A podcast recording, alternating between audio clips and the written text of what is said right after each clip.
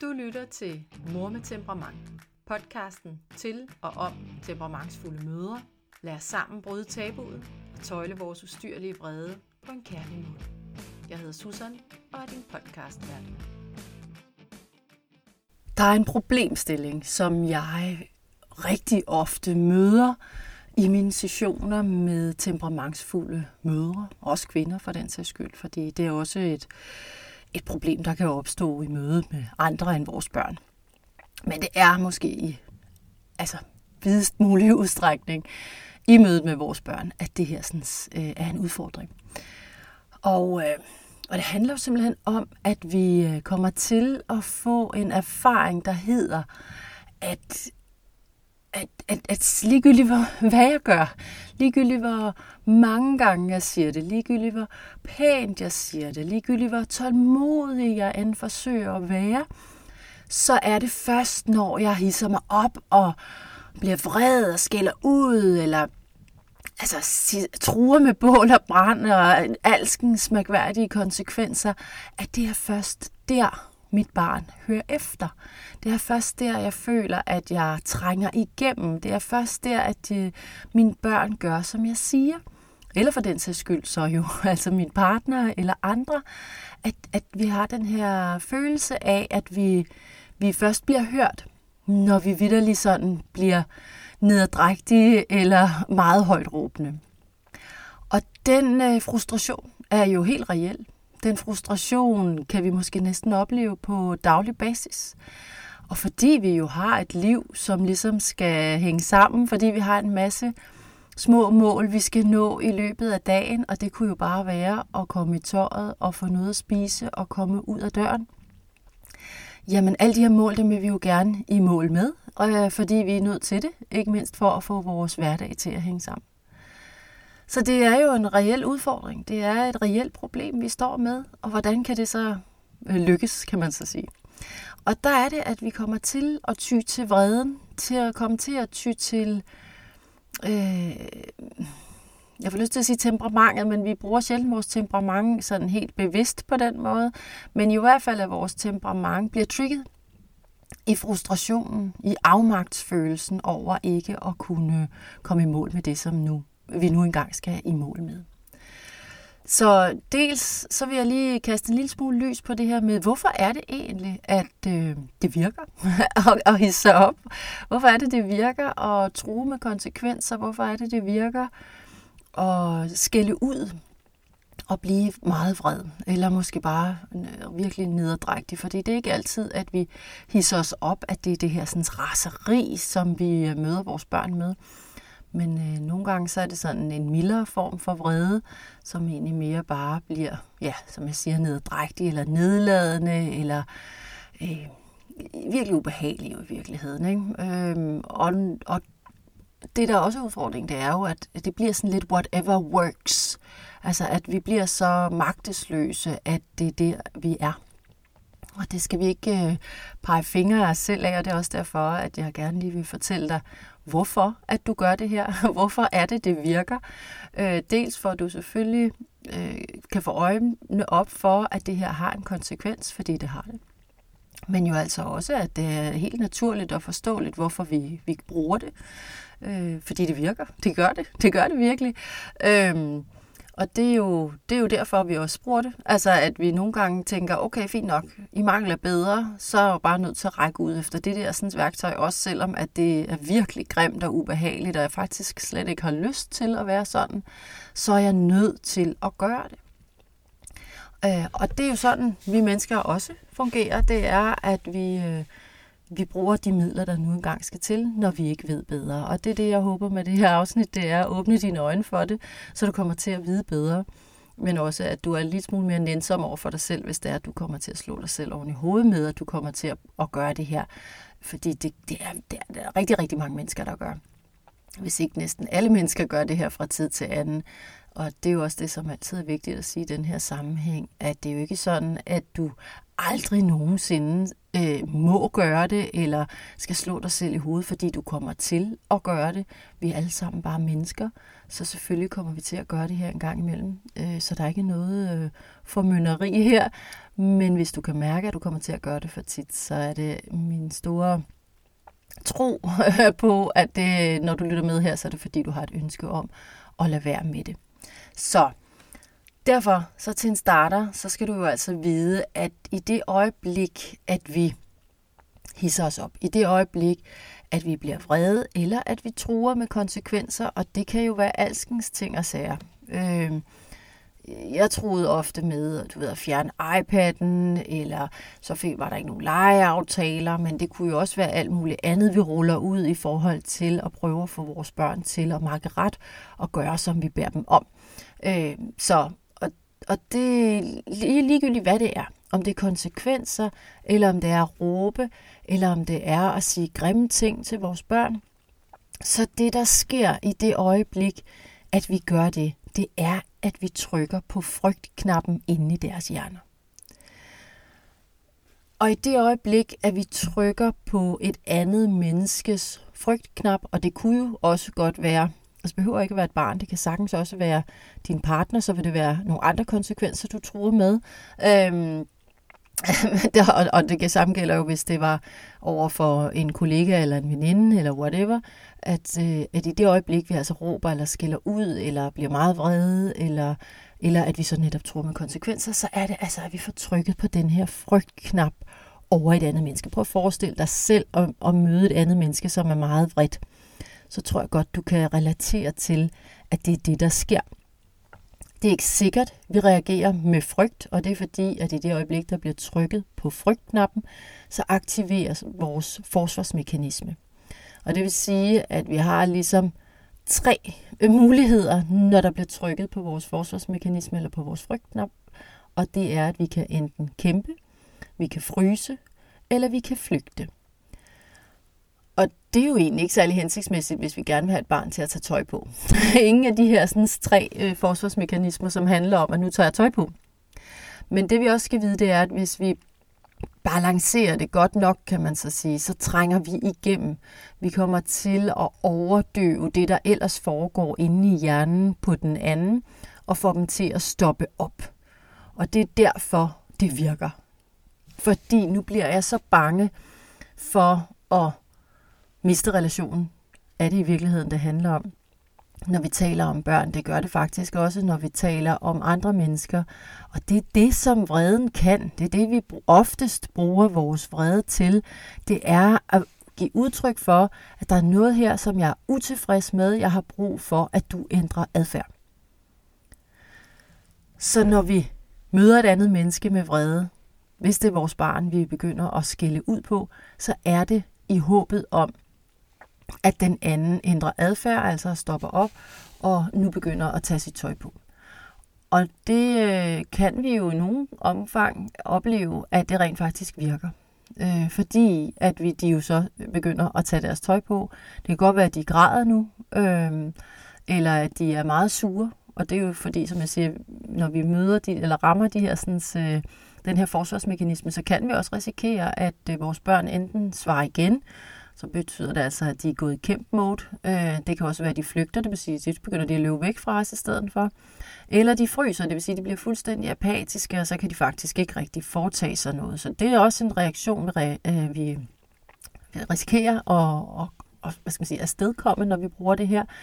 Men det er som oftest øh, ikke den frygt, som der bliver aktiveret, men en dybere liggende frygt for, at øh, for relationen. Og det skal vi vide omkring børn, at øh, hvis der er noget, de frygter her i livet, så er det øh, ikke at være i relation med mor og far. Og det vil sige, at øh, det her vil de ikke selv kunne sætte ord på, men der er ingen tvivl om, at i det øjeblik, at deres system øh, begynder at fornemme, at, den her, at den her, det her er en reel risiko. Nu øh, er relationen til mor eller far øh, sådan, øh, hvad hedder sådan noget, jeopardized, hvad hedder sådan noget, sat over styr på, på, på spil, så, øh, så hvad hedder det, så, så, så, så er det, de retter ind. Og det er derfor, at det virker, når du begynder at råbe og skælde ud. Det er simpelthen fordi, dit barn bliver bange for, at, øh, at lige pludselig så er jeg ikke på god fod med mor og far. Så kan det godt være, at du så tænker, mit barn er skide lige glad med, om de pisser mig af eller ej.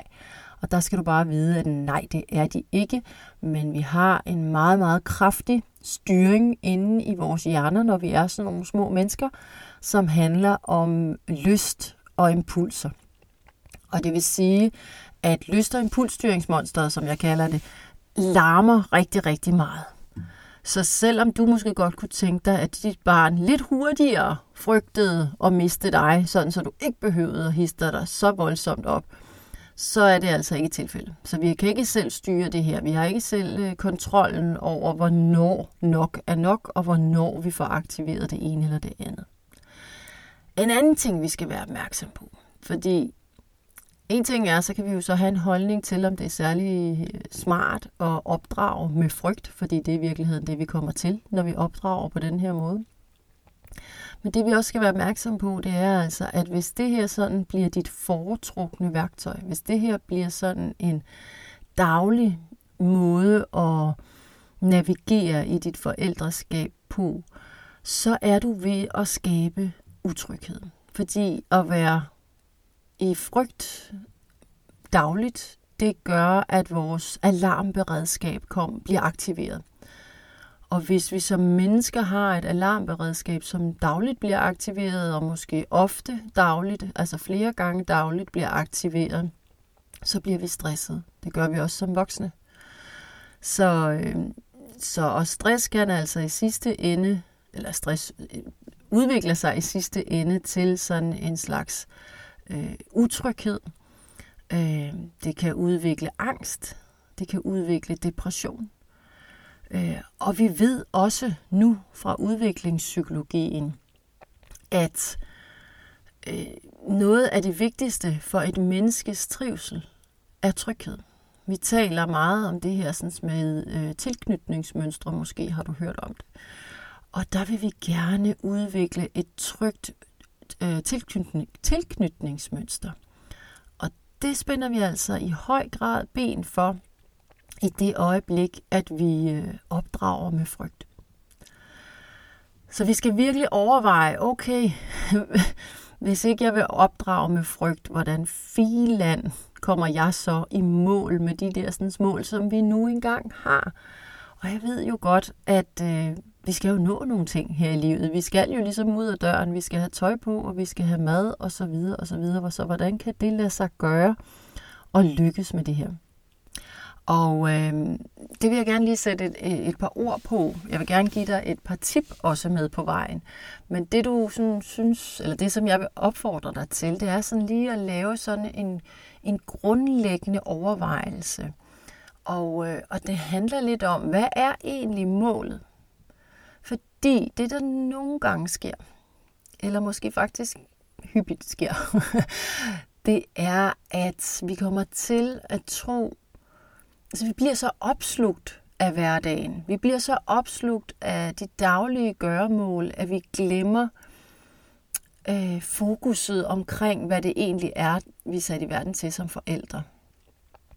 At det, det at komme ud af døren og få tøj på og få spist, eller komme i seng og blive puttet, øh, eller hvad det nu end kunne være, øh, at vi bliver udfordret på som, som forældre, jamen at det bliver, det bliver vigtigere end at sikre vores børns trivsel. Det bliver vigtigere end at tage vare på den gode relation.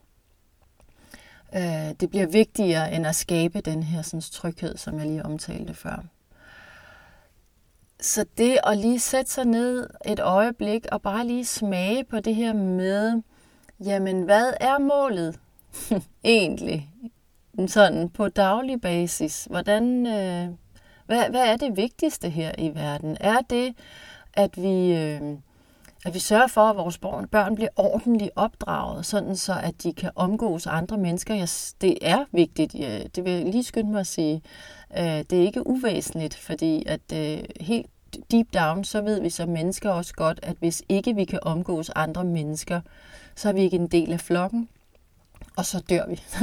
det ligger så dybt i os fra den gang, at vi var urmennesker, at, øh, at det er sådan, tingene hænger sammen. Og det er jo også rigtigt i en vis udstrækning, at mennesket er et social, øh, socialt væsen, og vi har brug for andre mennesker for at trives og for at kunne altså i det hele taget fungerer. Og, øh, så, så selvfølgelig er det væsentligt, at vi har en vis grad af ordentlighed. Men hvis ordentligheden sådan bliver det overordnede mål, eller hvis det, der hedder, at det er nemt, fordi det hører jeg også rigtig ofte, at, at, at argumentet for ligesom at opdrage vores børn med frygt og sørge for, at de makker ret, at de er sådan nogen, der hører efter, at de er sådan nogen, der gør, som der bliver sagt, øhm, at de kan indordne sig, øhm, fordi så, er, så bliver livet nemmere. Så bliver livet nemmere for voksne, og livet bliver i princippet også nemmere for dem selv. Måske. Godt sætte lidt spørgsmålstegn ved det. Men, øhm, men at det, det, det er sådan nemheden, altså at tingene bliver mindre, altså hvad hedder sådan noget, der bliver færre problemer, øh, flere konfrontationer, færre konflikter, at det er sådan, øh, vi, vi, vi flygter lidt fra de der måske lidt svære følelser, som blandt andet vrede, men også skuffelse og, og alt muligt andet, der ligger, som egentlig også er en slags vredesfølelse. Så alle de der følelser, der ligger i det lidt svære aspekt, det vi vil kalde måske negative følelser, uden at kalde dem forkerte, det må du ikke høre mig sige, men bare at det vi som betegner som negative følelser, at dem har vi rigtig svært med at være med.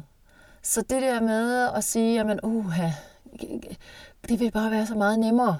Ikke? Det vil, hvis tingene også gik lidt hurtigt, der er noget med noget tempo i det her også, i forhold til at sige, okay, hvis målet er, at vi skal kunne komme nemt ud af døren om morgenen, vi skal kunne komme hurtigt ud af døren om morgenen. Øh, det vil være et bedre flow, det vil være, vi vil være mere effektive, vi vil kunne nå mere, og alle de her argumenter, der kan være for at ligesom øh, have fokus på, at vi skal, at, at, altså, at børn bare skal høre efter og makke ret. At, at hvis det er den ene, det er den ene side af, af, af hvad skal man sige, tippepunktet, havde jeg sagt, at og så er der på den anden side det her med det tryghedsskabende, det med trivsel, det med selvværd, det med det relationsskabende, det at være menneske, at der er plads til, at vi alle sammen har alle mulige følelser, at vi alle sammen kan have svært ved at måske lige koncentrere sig, høre efter, makke ret, passe ind, og at der måske også er sådan en lidt bitter smag eller en lidt hul klang i det der. Fordi at lige så snart vi bliver mennesker, som bare skal passe ind, lige så snart vi bare bliver mennesker, som skal markere ret og høre efter, gøre som der bliver sagt, hvad er det så for et menneske, vi bliver? Uh, og det, det, det ligger ikke særlig meget i samspil, eller hvad hedder sådan noget, det går ikke ret godt i spænd med det tryghedsskabende. Fordi det øjeblik, jeg ikke skal være mig, fordi det er jo så ikke det, jeg bliver bedt om. Jeg bliver bedt om at passe ind og være den, som øh, hvad skal man sige, passer ind i fællesskabet på en eller anden måde, og det er åbenbart ikke den måde, som jeg er på. Så skal jeg jo være en anden, og det er ikke fordrende for hverken selvværd eller for tryghedsfølelsen. Så i det øjeblik, at jeg som menneske føler mig set, hørt og forstået som den jeg er, så er vi også i gang med at højne og styrke trygheden. Vi er i gang med at styrke og forbedre øh, relationen. Øh, fordi at i det øjeblik to mennesker mødes, og vi kan møde hinanden på den her anerkendende måde, altså at jeg ser, hører og forstår dig, så, øh, så sker der jo altså noget helt fantastisk magisk med vores relation. Så, så det synes jeg er sådan en grundlæggende overvejelse, som er sund at have som forældre, men jo som bestemt også kan være med til at tøjle dit temperament øh, og tøjle din vrede, fordi det er det her med, hvad er mit fokus egentlig? Er det vigtigste i verden at komme ud af døren til tiden? Og det kan det nogle gange godt være, jeg siger ikke, at det ikke kan være det, men nogle gange er det det måske ikke. Og det er et af de tips, som jeg vil give dig. Det er lidt at overveje det her med, hvorfor er det, du har så travlt? Altså det her med, at vi, vi, vi kører alle sammen i et, et vanvittigt højt tempo øh, og, og forguder effektivitet og, og hvis der er noget, børn ikke er, så er det det. Så der er to ting, der kommer til at clashe helt sindssygt meget her. Så det her med måske lige at give noget ekstra tid til, at dit barn kan være lidt længere tid om at tage sit tøj på, eller være lidt længere tid om at spise. At, øh, at det kan måske rent faktisk afværge din, øh, øh, dine konfrontationer, eller jeres konfrontationer der i morgensituationen, eller for den sags skyld i puttesituationen, eller hvilken anden situation det nu end måtte være. Når det så er sagt, så skal jeg også lige tilføje, at det gavner ikke nødvendigvis kun at afsætte 5-10 minutter ekstra til de enkelte situationer. Du skal have som fokus, at I skal nå i mål. Det er ikke dit barn, der har den opgave. Det er dig. Så, så når du sætter mere tid af, så handler det om, at du sætter mere tid af til, at din tålmodighed kan være med det her. Så du skal selvfølgelig hele tiden sætte noget handling på i forhold til, at I skal stadig nå i mål. Så, det, så tiden skal ikke bare bruges til at, at blive spildt, hvis man kan sige det sådan. Den skal bruges til, at du kan opdage, hvad det er, dit barn har brug for, for at I kan nå i mål.